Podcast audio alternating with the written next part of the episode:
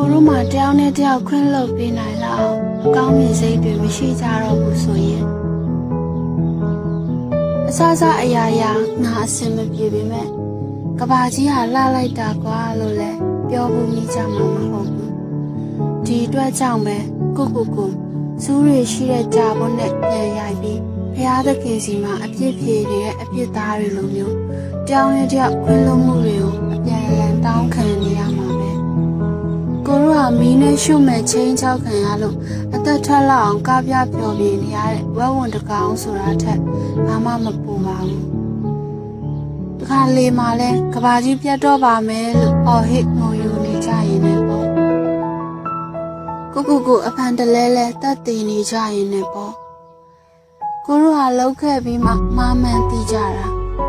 အဲ့ဒီခါမျိုးမှာကိုတို့လုံနိုင်တာကလည်းဒီမားတွေကိုလက်သင့်ခံလိုက်ပြီး ရေတဖန်ကွက်ကြီးကြီးတောက်ချလိုက်ရုံပဲ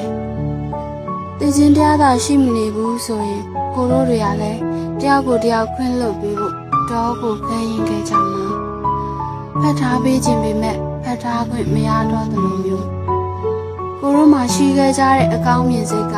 ဖြစ်မလာသေးတဲ့အရာတွေပေါ်မှာပဲလုံးလုံးလျားလျားမှုတည်နေတာမဟုတ်ဘူးဖြစ်ပြီးသားအရာတွေပေါ်မှာလည်းလော င်ပြောင်ခြင်းနဲ့စိတ်နဲ့အကောင်းမြင်တာကြိုးစားခဲ့ကြရတာပဲတရားရောက်ရဲ့ညှင်းဆန်မှုကိုခံခဲ့ရတဲ့အချိန်မျိုးမှာတော့နင်းကောင်ငါလိုကြပြရေးတဲ့ရင်ခတ်မယ်လို့တယော်တဲ့လေတံနဲ့ပြောမိသွားတယ်လို့မျိုးကိုတို့ဟာဖြစ်နိုင်ခြင်းနဲ့ပါတယ်ဆိုရင်တောင်မှအရင်ကဖြစ်ခဲ့ဘူးလို့လမ်းလောက်เสียဟွန်တရောတန်ကြားနေရတဲ့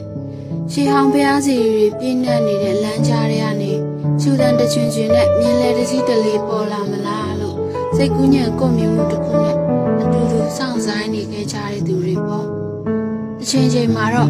ညဟာမင်းကိုခွင်းလုတ်ခဲ့တယ်ဆိုတဲ့စကားသံကိုယူဆောင်လာခဲ့မှာပဲအဲ့ဒီခါကျကိုမရှိတော့ပေမဲ့တသက်လုံးမွေးမြူယူလာခဲ့ရတဲ့အကောင်းမြင်စိတ်တွေနဲ့မင်းဆက်လက်နေထိုင်ဖို့လေမိုးရဲ့